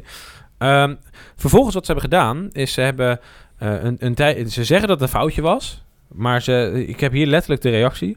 Eh, call and text history logging is part of an opt-in feature, feature for people using Messenger or Facebook Lite on Android. This helps you find and stay connected with people you care about and provide you with a better experience across Facebook. De titel hoor, dit. nee, oh nee, dat kan niet. Grapje. Nee, maar eh, wat ze dus zeggen eigenlijk is dat dit een, een functie is om, om eigenlijk de, die app goed te kunnen gebruiken. Ja. Maar in theorie, als je nu kijkt wat voor data ze hadden, ze wisten precies wie je hebt gebeld, hoe lang je hebt gebeld, Mhm. met wie je hebt zitten uh, Daar heb je allemaal eh, toestemming voor gegeven. Nee, maar buiten je app ook. Dus ze hebben ook de Ja. data van de SMS-app, wat een Ja, andere app is, hebben ze ingeladen in hun data. En er is een manier, ik moet, moet even opzoeken hoe dat is. Je kan al je data die Facebook van jou hebt, kun je downloaden van hun eh, website af. Zeg maar, Mhm. als je ook je, eh, eh, dan kun je zien wat ze allemaal van je hebben. En daar staan dingen in dat je echt denkt van, bizar. Gewoon, gewoon archiefbakken niet. vol als je het zou uitprinten. Allemaal doen dus. Ja, en dan, dan, weet- dan word je alleen maar banger. Ja, want dat is af- waar. want Nee, maar ik- ook als je dan stopt met Facebook, of ze dan ook die data verwijderen. Dan denk Wat ik ik een beetje bedoel, deze data zou er niet zijn geweest als die infrastructuur er niet was. Als we niet de smartphones hadden gehad, niet de computers en, nou in ieder geval de, de computers en niet de apps die we gebruiken op die smartphones. Mhm. Die, deze data, die zoveel macht heeft, is in de afgelopen 10 tot 15 jaar verzameld. Nou, ik ben, maar of toch of ben, ontwikkeld Toch tot ben wat ik het nu nee, is. Maar toch ben ik het niet helemaal met je eens. Op het moment dat ik ehm, eh, elke eh, dinsdag om 9 uur s ochtends brood gaat halen bij de bakker. Maar dat is toch altijd al zo Nee, geweest? nee, nee, dat wil ik niet zeggen. Ik ga om dinsdag 9 uur ga ik brood halen bij de bakker. Vervolgens eh, kom ik een keer niet op dinsdag en de bakker gaat mij heel erg lastig vallen om te vragen waar ik blijf. Omdat hij weet dat ik honger moet hebben. Maar hoe gaat hij je lastigvallen? Nou, dan belt hij me, omdat ik ooit een keer mijn nummer heb achtergelaten. Ja. Daarvoor heb ik mijn nummer niet achtergelaten. Nee, ik heb mijn nummer achtergelaten omdat die taart die ik ooit besteld had, Maar Moest, maar ik bedoel, de, de, wat, je, geeft een beetje om. Je, je, je wordt lid van Facebook om te connecten met vrienden. ja. En vervolgens wordt het ge- eh, gecommercialiseerd. Ja, nee, daar ben ik allemaal met je eens. Maar wat ik een Maar beetje dat is- bedoel te en- zeggen... dat, dat, dat is niet uit de hand gelopen, dat is ontworpen. Ik, ik probeer een andere situatie te schetsen. Als we al die apps weghalen en al die techniek... eh, die techniek die de afgelopen 10 tot 15 jaar is ontstaan... dan is er toch geen eh, bruikbare data.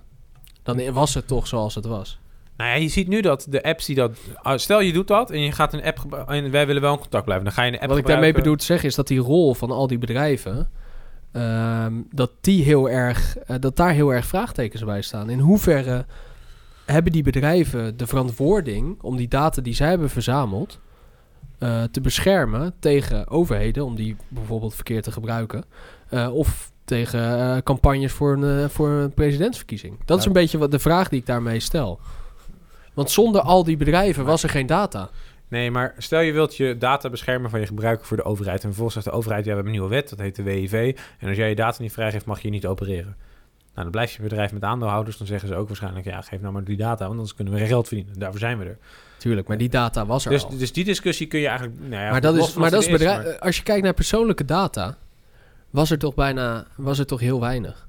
Hoe bedoel je was? Waar, waar was dat? Eh, gewoon voor het tijdperk van de, van de smartphones en de computers. Ja, maar dat klopt, want je, je, je, je, je foto's lagen in een la eh, in je huis. Daarom.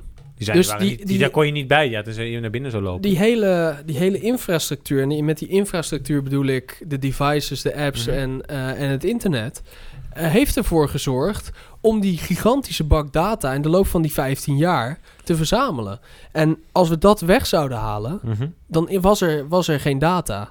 En dan is de vraag wat ik, wa- waar ik naartoe wil hiermee, is wat, na, wat is de verantwoording van de bedrijven die hebben gezorgd dat er zoveel data is en verzameld kan worden en ook verkeerd gebruikt kan worden?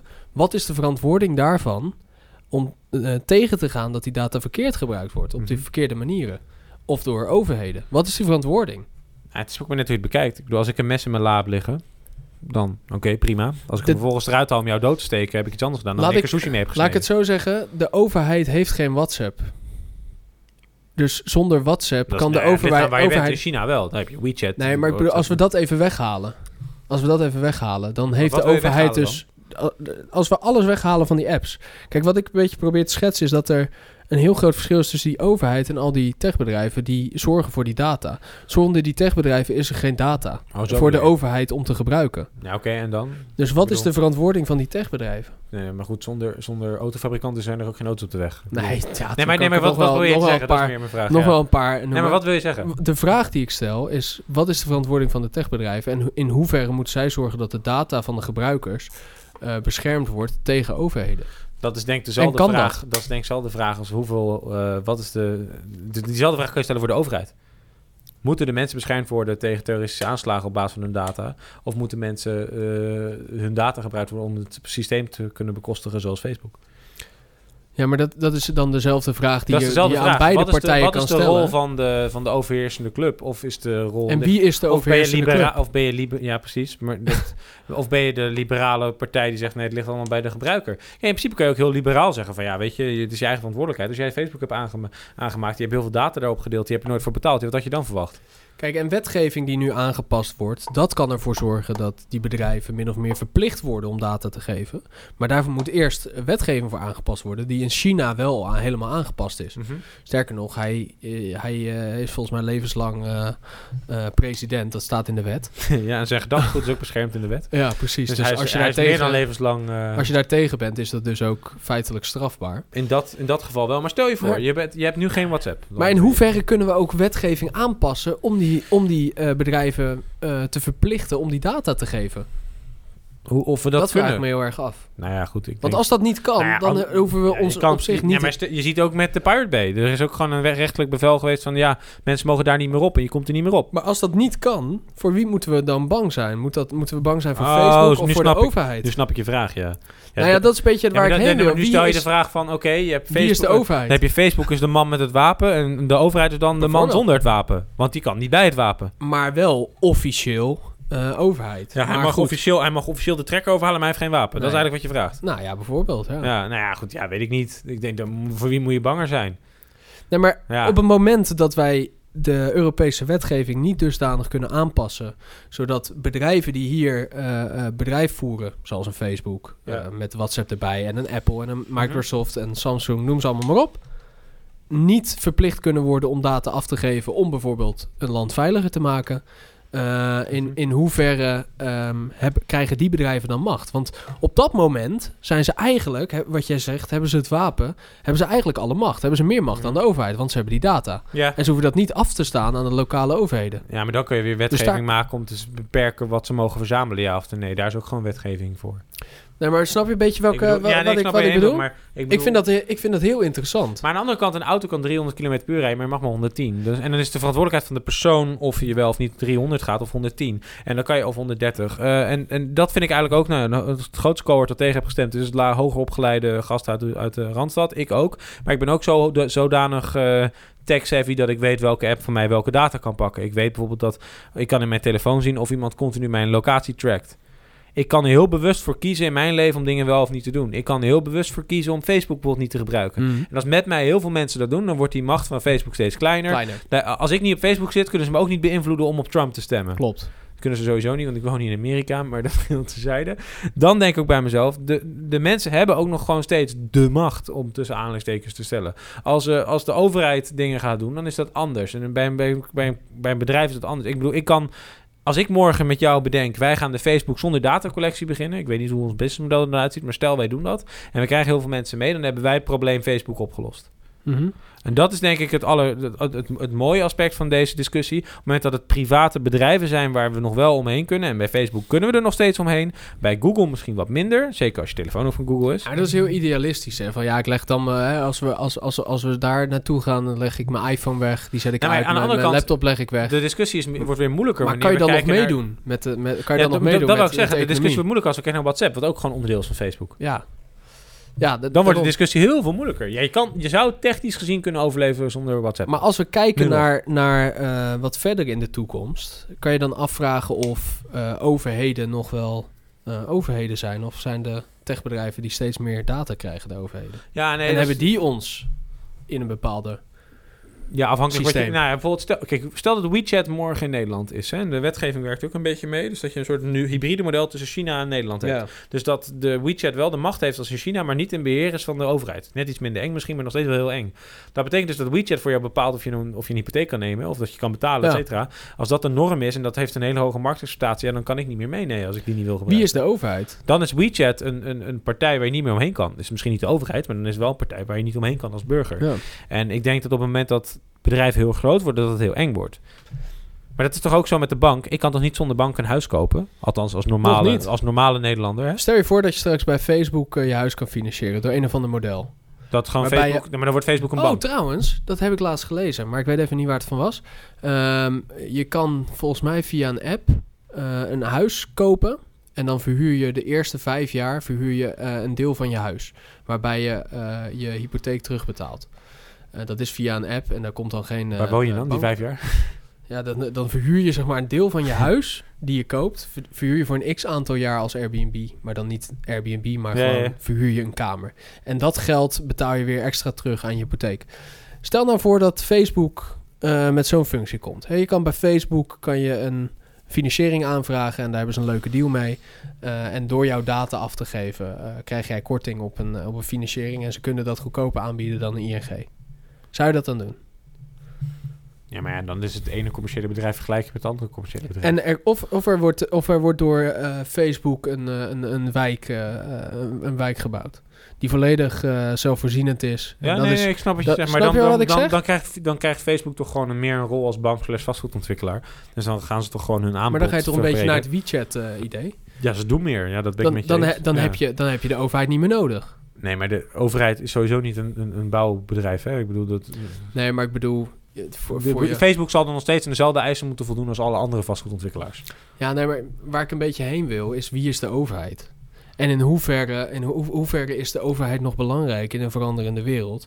Nou en ja, met, met apps zoals WeChat. Kijk, wij ja, hebben nog geen- wetgeving bepaalt gewoon de, de normen van zo'n WeChat. Alleen op het moment dat zo'n app decentraal wordt geregeld, of als je zeker kijkt naar blockchain-technologie, eh, zonder, zonder dan hashtags te droppen. Als, je, je kan wet bedenken op, eh, op de blockchain, maar als je niet in blockchain kan, ja, dan kan ik, kan, ik kan nu duizend bitcoin hebben. Hè, wat dan nou, nu wat minder waard is dan de laatste keer dat we het over, over bitcoin hebben gehad. Maar stel dat ik nu duizend bot- bitcoin heb, zeg, zeg even dat dat een miljoen euro is. Dan hoef ik daar nooit belasting over te betalen op het moment dat ik het in de blockchain laat. Omdat de Belastingdienst weet niet dat ik het heb. Nee. Op het moment dat ik het ga gebruiken, dus ik het omzet naar euro's, dan is de kans wel groot dat ze het weten. Maar Dus dan hebben ze wel toegang tot het ene systeem, niet door het andere systeem. Terwijl als ik morgen bij jou met, met bitcoins kan betalen. Hè, stel, ik kan volledig met bitcoins betalen, dan kunnen ze nooit meer. En dan, dan, dan is de, de belastingheffing, de regulering van zo'n systeem is ineens heel ver weg. Nu Ja. in de huidige staat. Dus wetgeving is nog het enige. Dan is het heel eng. Ja, dan is, dan is is- er geen overheid meer op dat gebied, omdat dat niet meer kan.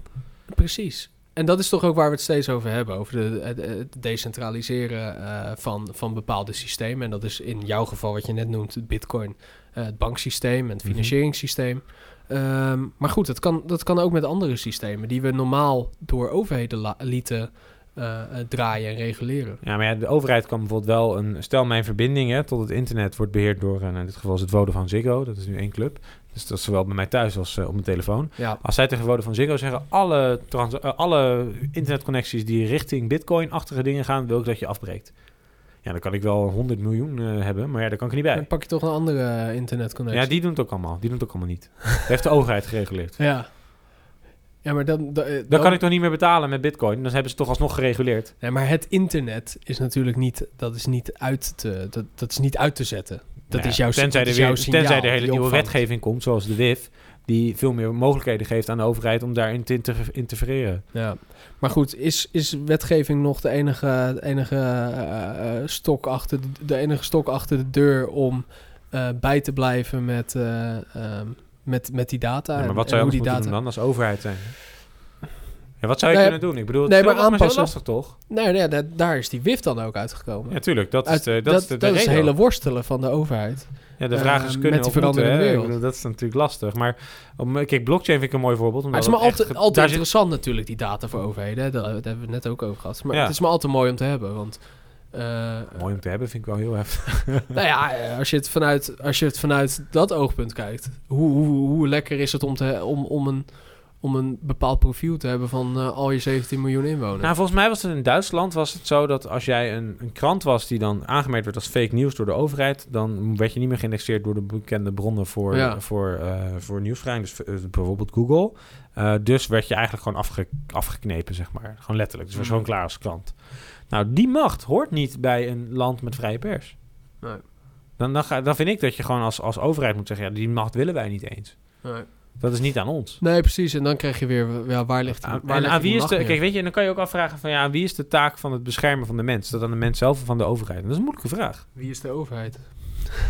Nee, dat- dat- nee, nee, maar de overheid is gewoon, die die heeft maar één doel en dat is het land dat dat, dat, door- dat, dat blijft lopen, zeg maar. Dat, is de, dat moet de motor zijn van eh, de doorlopende motor continu. En Dat is. Maar, maar ik, ik, kijk, weet je, het is, politiek is ook niet makkelijk, weet je. Het is niet voor niets dat we gesplinterd eh, landschap hebben. Het is niet voor niets dat, dat er heel vaak discussie is. Het is niet voor niets dat daar eh, elke dag 150 mensen in de Tweede Kamer bijvoorbeeld eh, over, over, over punten zoals dit discussiëren. En het is heel goed dat dat er is, want anders zou je een dictatuur hebben, weet je. Dat alles door één, eh, één individu of één partij wordt geregeld, zoals in, zoals in zo'n Ja. land als China. Eh, en dan denk ik bij mezelf, ja, dan, dan, dat willen we ook niet. Maar daartussenin is het, ook heel lastig. Ja. Want je je hebt een soort tussenwegen. Kijk, zo'n WIF kan, kan een tussenweg zijn. Hè? Als je het over make-each en Hitlerproef eh, wetgeving hebben... dan kan het, die ziet het als een soort tussenweg tussen het een en het ander. En aan de ene kant is het heel makkelijk om het tegelijk te gaan doemdenken. Want je kan ook gewoon denken van ja, misschien gebruiken ze die data echt alleen maar om een beetje terrorisme te bestrijden. Dan is het niet zo'n gek idee. Maar daar zijn mensen dus heel erg angstig voor. En ik denk dat de discussie niet zozeer is van eh, wat is de overheid, wie is de overheid, wat mogen ze wel, mogen ze niet. Nee, vertrouwen we de overheid wel. Als we de overheid echt zouden vertrouwen, hadden we deze discussie waarschijnlijk nu niet gehad. Nee. Nee, het is, het is gewoon argwaan natuurlijk. Dat uiteindelijk in de kern denk ik dat dat het is. Maar goed, ehm, wat, ik, wat ik ook nog, eh, om een beetje af te sluiten, wat ik wel interessant vind om over na te denken, is eh, in hoeverre kan de, kan de overheid bijblijven met die, met die techbedrijven? Dat is toch Want alle techbedrijven die kunnen, die kunnen heel makkelijk een overheid omzeilen of een eigen systeem maken voor eh, eh, patronen die er al neergelegd zijn door andere overheden. Nou ja, ik, ik denk dat een voorbeeld is. Stel je voor dat de overheid heeft een rol om te- het land te laten lopen. Hè? Dus dan moeten ze de mensen beschermen tegen bijvoorbeeld massa eh, Mhm. arbeids, on- niet arbeidsongeschiktheid, arbeidsloosheid. Of geen arbeidsplaatsen meer. Dus als morgen Amazon in Nederland komt en die automatiseren alles enorm en eh, de, de Albert Heijn gaat failliet en iedereen is zijn baan kwijt. Ik weet niet hoeveel mensen er werken, maar het zullen er heel veel zijn. Ja, dan kan de overheid daar iets tussen steken van ja, dat gaat te ver. Net Ja. zoals dat een fabriek, bijvoorbeeld een fabri- ik kan me voorstellen dat eh, tijdens de industriële revolutie dat er ook discussies waren van is het niet onze taak om onze mensen te beschermen tegen deze enorme ja, eh, het revolutie beschermen van, eh, het- van het volk, eh, Ja. eh, ja, waar de overheid over, voor beslist. Het ligt eraan wat voor, wat voor systeem maar aan de andere wordt kant kun je ook gehanteerd weer afvragen van ja, is dat niet gewoon de, de slimmigheid van zo'n systeem van zo'n bedrijf als Amazon? Ja. Nou ja, over Amazon, eh, AliExpress is natuurlijk ook gewoon een overheidsbedrijf. Is dat zo? ja, weet ik heb niet. Je, heb je het, ik, had, ik heb, ben er laatst achter gekomen dat... Kijk, ik vroeg me altijd af hoe AliExpress al die, en, en al die andere Chinese sites gratis verzonden. Oh, En dat werd dus ja. betaald door de overheid. Oh, eh, bizar. om meer marktaandeel te, te pakken in, eh, in de dus dat is wereld. eigenlijk gewoon een investering. Ja. Ja, het, is, eh, het wordt betaald. Het is een overheidsbedrijf. Dus al die, al die shipping wordt gewoon be- betaald door, eh, door de overheid. Ja, dat zijn toch bizarre dingen. Dat is een, Ja, dat is, dat is een stukje marktwerking die in, in, dat is geen marktwerking, dat is een stukje marktwerking vernietigende. ja, ja, best wel bizar. Ja, Maar goed, dat ja, is echt best wel bizar. misschien... Ik, ik, ik denk, als we, als we wat verder Maar dat is kijken... niet technologie, hè? Dat is, dat is gewoon weer je reinste politiek, zeg maar, wat je daar Tuurlijk, dat is gewoon eh, besturen. Besturen Ja. van een land. En, en het... en het De fabriek China. Ja, en, en het... En het eh, ja, hoe noem je dat? zelfs. Het opblazen van je eigen economie en impact eh, in de wereld. Door, Ja. door zo'n kleine, zo'n kleine ingreep, wat super effectief is. Ja. Want iedereen bestelt er. En iedereen weet wat AliExpress is. En iedereen weet dat je daar goedkope dingen kan bestellen zonder shipping. Iedereen, iedereen. Nou ja, ik denk dat veel mensen... Veel. o- mijn opa die zit al eh, te bestellen, bij wijze van spreken, op eh, AliExpress. Ja, nou ja, goed, dat Ja. kan. Hey, Maar- ook mensen die... de- eh, maar dat vind ik dus mooi aan, aan, aan, aan de keuze die we nog hebben in Nederland met heel veel dingen. Ik kies ervoor om niet op AliExpress te bestellen bijvoorbeeld. Ja. Ik vind dat gewoon eh, eh, zo goedkoop. Ik geloof niet dat het normaal is. Ik geloof niet dat het eerlijk is. Nou, weet je waar ik een beetje bang voor Hetzelfde ben? met kleding van de, van de Ah, mag, winkel? mag, ik, mag ik heel mag wat verder in de, in de toekomst kijken? Eh, in deze podcast? Ja, eh, als we het hebben over-. Als we het hebben over 100 à 200 jaar. eh, wat ik een beetje zie ontstaan hier op aarde. Is dat we aan de ene kant die superelite hebben. De mensen die de data hebben. En de rest. En die, die spreiding die wordt steeds groter. En ik heb het idee dat we of eh, dat de superelite gaan vertrekken naar een andere planeet. En daar het opnieuw gaan proberen. Eh, en daar een, een beschaving gaan bouwen zoals, eh, zoals die eh, zou moeten zijn. En dat dit dus een soort tweederangs wereld wordt. Ehm, Er Dat- is een science fiction film die dit letterlijk... eh, Dat idee heb ik. Dat idee heb ik. En maar dat, is eigenlijk- toch, maar dat is toch ook gewoon een menselijke... Even los van of dat gebeurt of niet. Dat is toch ook gewoon een menselijke beweging. Ik bedoel, je had het net over Laren. Ja, in Laren, wo- daar, daar zitten ze nu. laag. ja, ja. maar het is wel toch... Het is toch zo.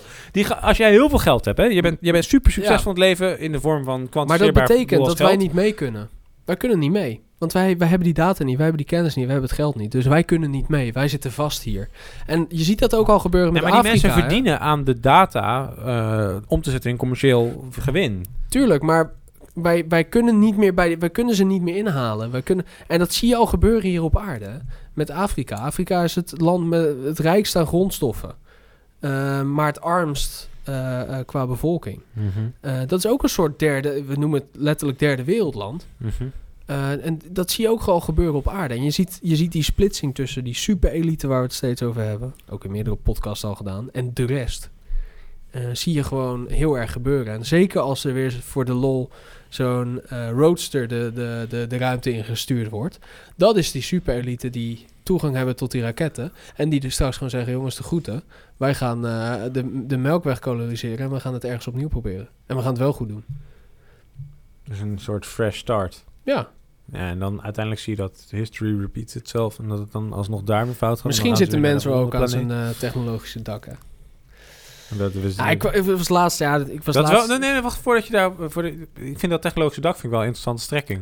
ja. Dat we eigenlijk helemaal niet geschikt zijn. Dat het zo snel is gegaan, de ontwikkeling. Dat we helemaal niet weten hoe we hiermee om moeten gaan. Dat we dus eigenlijk een heel diep dal nu nodig hebben... om weer een beetje eh, bij te komen wel. even. Ik denk het wel. Vind ik wel een goede, We gaan te vind vind ik een goede filosofische vraag. Maar ehm, daar moeten we het maar eens een keer over eh, hebben in een andere podcast. En Mhm. ook over de Fermi's Paradox. Die vind ik zo interessant. Dat is echt heel interessant. Weet je wat het is? Dat is waarom, waarom we nog geen, als er, waarom we nog geen eh buitenaards leven gevonden hebben. Of waarom het ons nog niet gevonden heeft. Er zijn dus een aantal redenen, een aantal theorieën over. Is dat, Super is dat dezelfde als... eh, hoe heet hij ook weer? eh, die die overleden is? Ik ben zijn naam even kwijt. Christopher Hawking? Nee, hoe heet hij? Ja, wel is ook overleden hè, inmiddels. Ja. Er is veel gebeurd man, Ja. de laatste drie maanden. Nee, die, Stephen die, die had die had- overleden, ja, eh. Stephen Hawking, niet Christopher. Die, die, had een, ehm, die had een feestje georganiseerd voor tijdreizigers. Maar die had hij dan een dag later aangekondigd om te laten zien dat ze niet bestonden. Ja, ja.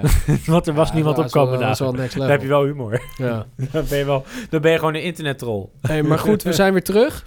Wanneer, wanneer gaan we de volgende opnemen? Of wil je nog iets kwijt over het eh, verhaal eh, WIF, rol van de overheid en eh, de superelite? Nou, wa- wat ik daarover wil hebben is, zeg maar, het is heel makkelijk om heel snel naar een bepaalde hoek te gaan. Van heel extreem, van dit gaat gebeuren of dit gaat kapot en dit is een wapen en dit en Ik denk dat dat niet de discussie is. Ik denk dat de overheid ook daadwerkelijk wel... Ik, ik zie de overheid, ik heb niet... Ik, ik zeg niet dat ik de overheid heel erg vertrouw, maar ik zeg aan de andere kant ook niet dat ik de overheid heel erg wantrouw. Maar ik zou wel graag willen zien dat, me- dat er een organisatie is die daarop toeziet. Een soort waakhond. En dat mag Europees zijn, dat mag groter zijn. Eh, dat mag misschien, moet misschien kleiner zijn, dat weet ik niet. Ik heb daar niet de dossierkennis voor. Ik niet- de, de, de Illuminati of zo, zoiets. nu ga je wel Dat zou wel een toffe, ga toffe je- naam zijn. Ja, de verlichten. Hè? Ja, precies. Ja. Eh, je gaat wel heel diep nu. Maar ik bedoel meer van... Ik, ik denk dat het idee van een, van een WIF of van een sleepnet... Ik denk dat dat niet de... de ik denk dat dat een goede vraag is om te stellen. Is dat een goed idee? Eh, ik denk tegelijkertijd ook dat de andere kant van de vraag is, eh, is ook van... Ja, weet je, moet dat een bepaalde club zijn? Zoals een overheid of een technologiebedrijf? Of wie moet dat zijn, zeg maar? Ik vind dat heel lastig. En aan de andere kant, als jij mij vraagt inderdaad... Wil jij doodgebombardeerd worden eh, door een terroristische aanslag? Nee, dat wil ik niet. En aan de andere kant wil ik dat al mijn data op straat ligt? Nee, dat wil ik ook niet. Maar ja, wat is dan de... eh, Wat als, als, als de ene het een, een, een remedie is voor, de, voor het ander, dan is het misschien gewoon een logische conclusie dat inderdaad zo'n partij als de overheid dan de conclusie neemt om mij te beschermen. Ja. En misschien is dan een raadgevend referendum of een referendum die wel bindend is, misschien niet het beste middel. Want misschien, wij kunnen ook niet goed oordelen over wat de AIVD allemaal tegenhoudt. Want als we dat hadden gekund, had iedereen dat gekund en dan had de AIVD minder effectief geweest. En daarom is het ook zo slecht dat zo'n Bertolet op het podium is geweest. Daar ben ik het ook helemaal mee eens. Ik denk dat als de AIVD Ehm, als, de als wij weten wat daar gebeurt, dat we dan een, dat we een veel genuanceerder beeld konden hebben van, wel, ja. van, van waarom dit wel of niet nodig is en in welke vorm dit nodig is. Alleen het probleem is natuurlijk, is gewoon puur een reputatievraagstuk van willen we dat dit gebeurt. En ik denk dat dat de meest genuanceerde vorm is om het te vertellen. Ik denk dat ook de meest genuanceerde vorm is om er naar te kijken. Eh, dus er is eigenlijk maar één oplossing. Dat is of de politiek vertrouwen. Eh, eh, of niet, zeg maar. Dat is denk ik de, dat is de enige oplossing. En als we kiezen voor niet, ja, dan kunnen we deze discussies tot in het oneindige voeren. En ik denk dat dat ook goed is, want het houdt het ook scherp. Maar aan de andere kant denk ik dat het ook wel goed is om een keer wel dat vertrouwen te hebben. Want anders weten we één ding heel erg zeker. Eh, dat is dat we, dat we oordelen over iets waar we niet volledig over kunnen oordelen. Dat is heel genuanceerd, dat realiseer ik me. En ik snap dat als jij, in als jij bij de NOS werkt, dat je met keiharde koppen wil komen. Zoals Mark, Mark Rutte zit op zijn computer, zit hij gewoon even naar jouw WhatsAppjes te lezen. Ik snap dat dat heel lekker is om dat te schrijven, dat Mark dat zit te doen. Of dat als jij met je moeder aan het bellen bent, dat Mark meeluistert. Of, Ja. of, of dat nou Mark Zuckerberg of Mark eh, Rutte is. Maar ik denk dat, ehm, dat er echt een enorme nuanceslag ligt daartussen. En ik denk dat als ik kijk naar zo'n Bertolet, even los van of wat ik vond wat hij er zat. hij- ik zag daar wel een man zitten die echt wel bezig is naar mijn gevoel. Ik- Het is, het is, een, het is een gevoel, hè. Want dat is ook... Ik kan niet oordelen over data, want ja, dat zeg ik dit. Die hebben we niet. En dat is misschien wel goed ook. Maar mijn gevoel zegt dat we die man echt wel kunnen vertrouwen. Dat is volgens mij wel een man die zo hard op de juiste plek heeft zitten. Dus dat is mijn... dat is, dat is, wat zit je nou te lachen? Dat is mijn gevoel. Ik, ik Je meen het serieus. echt aan van... Ja, toch? Ja, Toch? echt. Toch? Ja, nee, echt. Ja? Ja, oké. Nee, ik sluit me daar wel bij aan. Het, is, het ligt veel genuanceerder van... Het ligt, het ligt gewoon veel genuanceerder dan het, dan het referendum. Ja, we kunnen helemaal Het niet, is we kunnen- niet- Daar kan je geen voor of tegen op zeggen. Exact. En ik denk dat dat een mooie conclusie is van eh, deze discussie. Zullen we een referendum organiseren voor de luisteraars? Nou, laat even weten eh, als je blij bent eh, dat we weer terug zijn. Wereld van Morgen podcast.gmail.com. Ja, of gewoon via Twitter. Via Facebook. Of... eh, Ik heb trouwens weer echt... Oké, de podcast is nu afgelopen, maar als je nu nog luistert... Ik heb echt op de gemeenteraad weer zo... Tuurlijk luisteren mensen nog steeds. Ze hebben ons eh, drie maanden moeten missen. Ik heb op de gemeenteraad weer zo lekker zitten hakken op mensen op Twitter. Dat was echt heerlijk om te doen. Ja, ja dat vind je mooi, hè? Ja, ik vind het dan mooi dat de mensen dan zo'n hele populistische strekking doen. Weet je, net als dit, zeg maar. Zo- Zo'n zo'n discussie als dit. En om daar dan met, zo echt met, met, met, met- aan de hand van nuance nog een veel pittigere strekking terug te geven. En vooral op de woningmarkt vind ik dat echt heerlijk. Ja, Ja? Ja, vind ik echt fantastisch. Nou, ik ben, vind het nou ben, ook, eh, ben je ook benieuwd? Eh, check eh niks op Twitter even. Ja, er staan allemaal verhitte discussies op. Mocht je een keer iets niet te doen hebben op een regenachtige mensen een heel zondag... ander beeld van mij meteen. Zet in plaats van Netflix gewoon een keer niks op Twitter op je beeldscherm. Mhm. Het is genieten. Popcorn erbij. House of Cards. Ja, popcorn erbij. ja, heerlijk, eh, on- lekker eh, ongenuanceerde, pittige stellingen. Nou, ongenuanceerd niet. Nee? Nee, want ik Genuanceerde, ik ga- nee, pittige ge- stellingen. Nee, ongenuanceerd er tegenin. Dus samen is het wel genuanceerd. ja, ja. Ergens in het midden. Ja, precies. Hey, ehm, ja, waar, waar sluiten we mee af? We hebben, we hebben nog iets in het verschiet. We gaan wel, eer- we gaan wel eerder weer opnemen dan eh jullie, Dan drie toch? maanden, ja.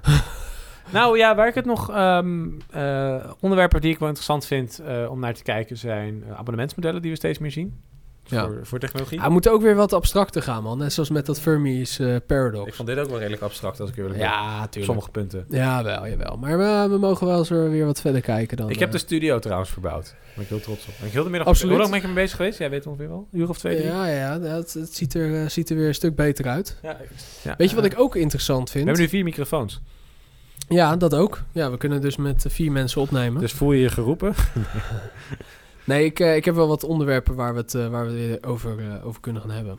Ja, waar ik de, de nieuwe Tesla, met, althans de update van Tesla, de nieuwe autopilot komt eraan. Ja, Eh, we hebben ook contact gehad met Tesla. Die vinden het ook leuk als wij daar wat, weer wat mee doen. ja. Wij ook. ja Dus we hebben ook is- nog steeds de X. eh, Ja, dat doen, dat, doen we dan, dat doen we dan tegelijkertijd. Hè? Dus dan Ja. de Model X met die nieuwe autopilot. Eh, het is nog niet zo ver hoor. Hey, ik wilde ook iets doen over innovatie eh, eh, in de horologie. Dat leek me heel erg leuk. Ik weet dus niet of mensen daarop zitten te wachten. Want ik vind het ook heel leuk. Alleen. Ja, nee, maar ja nee, dat kan ik me voorstellen. nou, als mensen Nou er echt op zitten te wachten, moeten ze ook maar even een mailtje sturen. Ja. Of niet. Maar wanneer doen we de podcast dan? Als we hoeveel mailtjes krijgen? of reacties? 24 uur in een dag. Ja. het is 24 reacties. Nee, niet, eh. ehm, nou, ik, eh, dat leek mij een leuk, eh, leuk onderwerp. Daar moeten we even naar kijken, inderdaad. Heb jij nog eh, tips voor luisteraars die nog podcasts moeten luisteren? Ehm, ik vond de Jortcast trouwens serieus wel leuk. Ja, heb ik nog niet Ik geluisterd. vind Jort zo'n heerlijke hakker ook. Eigenlijk wat ik op Twitter doe, dat is eigenlijk inspiratie op mijn groot leider. Die podcast van Vers Beton, ik heb hem nog niet geluisterd. Van Rotterdam. Eh, van Rotterdam. Een, eh, een, een tour door Delfshaven. Met verschillende bewoners van Delfshaven. Oké, nee, ik, ik heb nog niet geluisterd, dus ik kan, daar geen, ik kan daar geen Nee. aanbeveling aan geven. Maar het is meer dat je hem gespot hebt. Ja, maar goed, dat is eigenlijk alleen maar leuk als je uit Rotterdam komt. Wat ik trouwens ook echt wel leuk vind, ik heb hem vaker genoemd, maar de podcast, een podcast over media van Alexander Klupping en, die en Jean Fout. Fout, ja. Eh, die jongens verhuisd naar New York. Dus ze hebben nu continu discussie over van hoe, hoe is dat nou om in een wereld van Amazon te leven. Dat vind ik echt een hele leuke discussie. Ja? Ja, omdat ja, je ziet die ene jongen die wil dat heel graag en die andere jongen die zit daar dan ook. Ik sprak vanochtend een eh, voice-over die hier kwam inspreken. En die had eh, auditie gedaan bij Blendel om eh, artikelen in te spreken. Maar ze was niet jeugdig genoeg. Dat is niet jeugdig genoeg. Ze Echt waar? Ja, echt. En die had zo'n uh, rokerstem. Ja. Die had- Ze was zo 68 en eh, ze rookte. Ze had een hele mooie donkere, donkere stem. Een hele mooie, zware, donkere, eh, ruige stem. Medewerkers Cambridge Analytica op verborgen camera. Verkiezingen heimelijk beïnvloed. Soms met Ja, eh, moeten- of steekpenningen. De grap is dat dit echt de kop is van de Volkskrant. Ik denk dat soms met prostituees of steekpenningen. Wat is dat voor titel?